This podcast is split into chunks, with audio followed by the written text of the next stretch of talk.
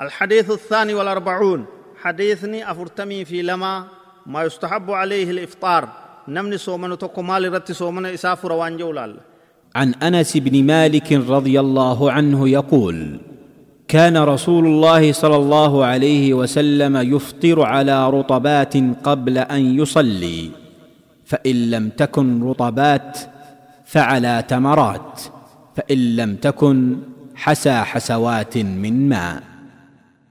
رواه أبو داود والترمذي نبي كن عليه الصلاة والسلام يرو صومنه وصوني في صلاة مغربا صلاة ندرة أشيت تمرا رت صومن إسافرا يو أشين تمرا دبمه تمر مرت فرا يجو تمر ما بيكما كان يو إن انجراتين هماري بشان راتات همار رتا يجو بشان أنتا بشان كچا بشان راتات كچا تا يجو خانان غرتي صومن إسافرا يجو namni hadiisa kana odeeyse anas ilma maalik kun hadiisa lakkooysa saddeetitti seenaan isaa dabartee jirti deebi'anii dhaggeeffatuun ni danda'ama.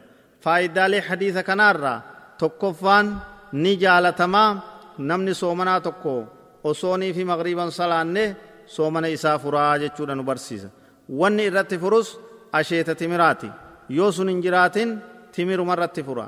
Yoo sunis hin argamin qicaa bishaan irraa taate qicataa habbuuqqi bishaan irraa taate habbuuqqata unaa bishaan irraa taate unata yoo kana hundarraa hin arkatin homa rabbi isaa laaffise nyaataa fi dhugaatii waan halaal ta'erraa homa arkatetti soomana isaa fura qabtiin lammee isaadha soomana jechummaanuu agabuu oolanii ibaadaa rabbii godhuudha jechuun nyaataa dhugaatii dhiisanii fajri irraa kaasee hanga aduun seentutti nyaataa dhugaatii qunnamtii saalaa waan kana fakkaatu waan soomana balleessurraa fagaachuu jechuudha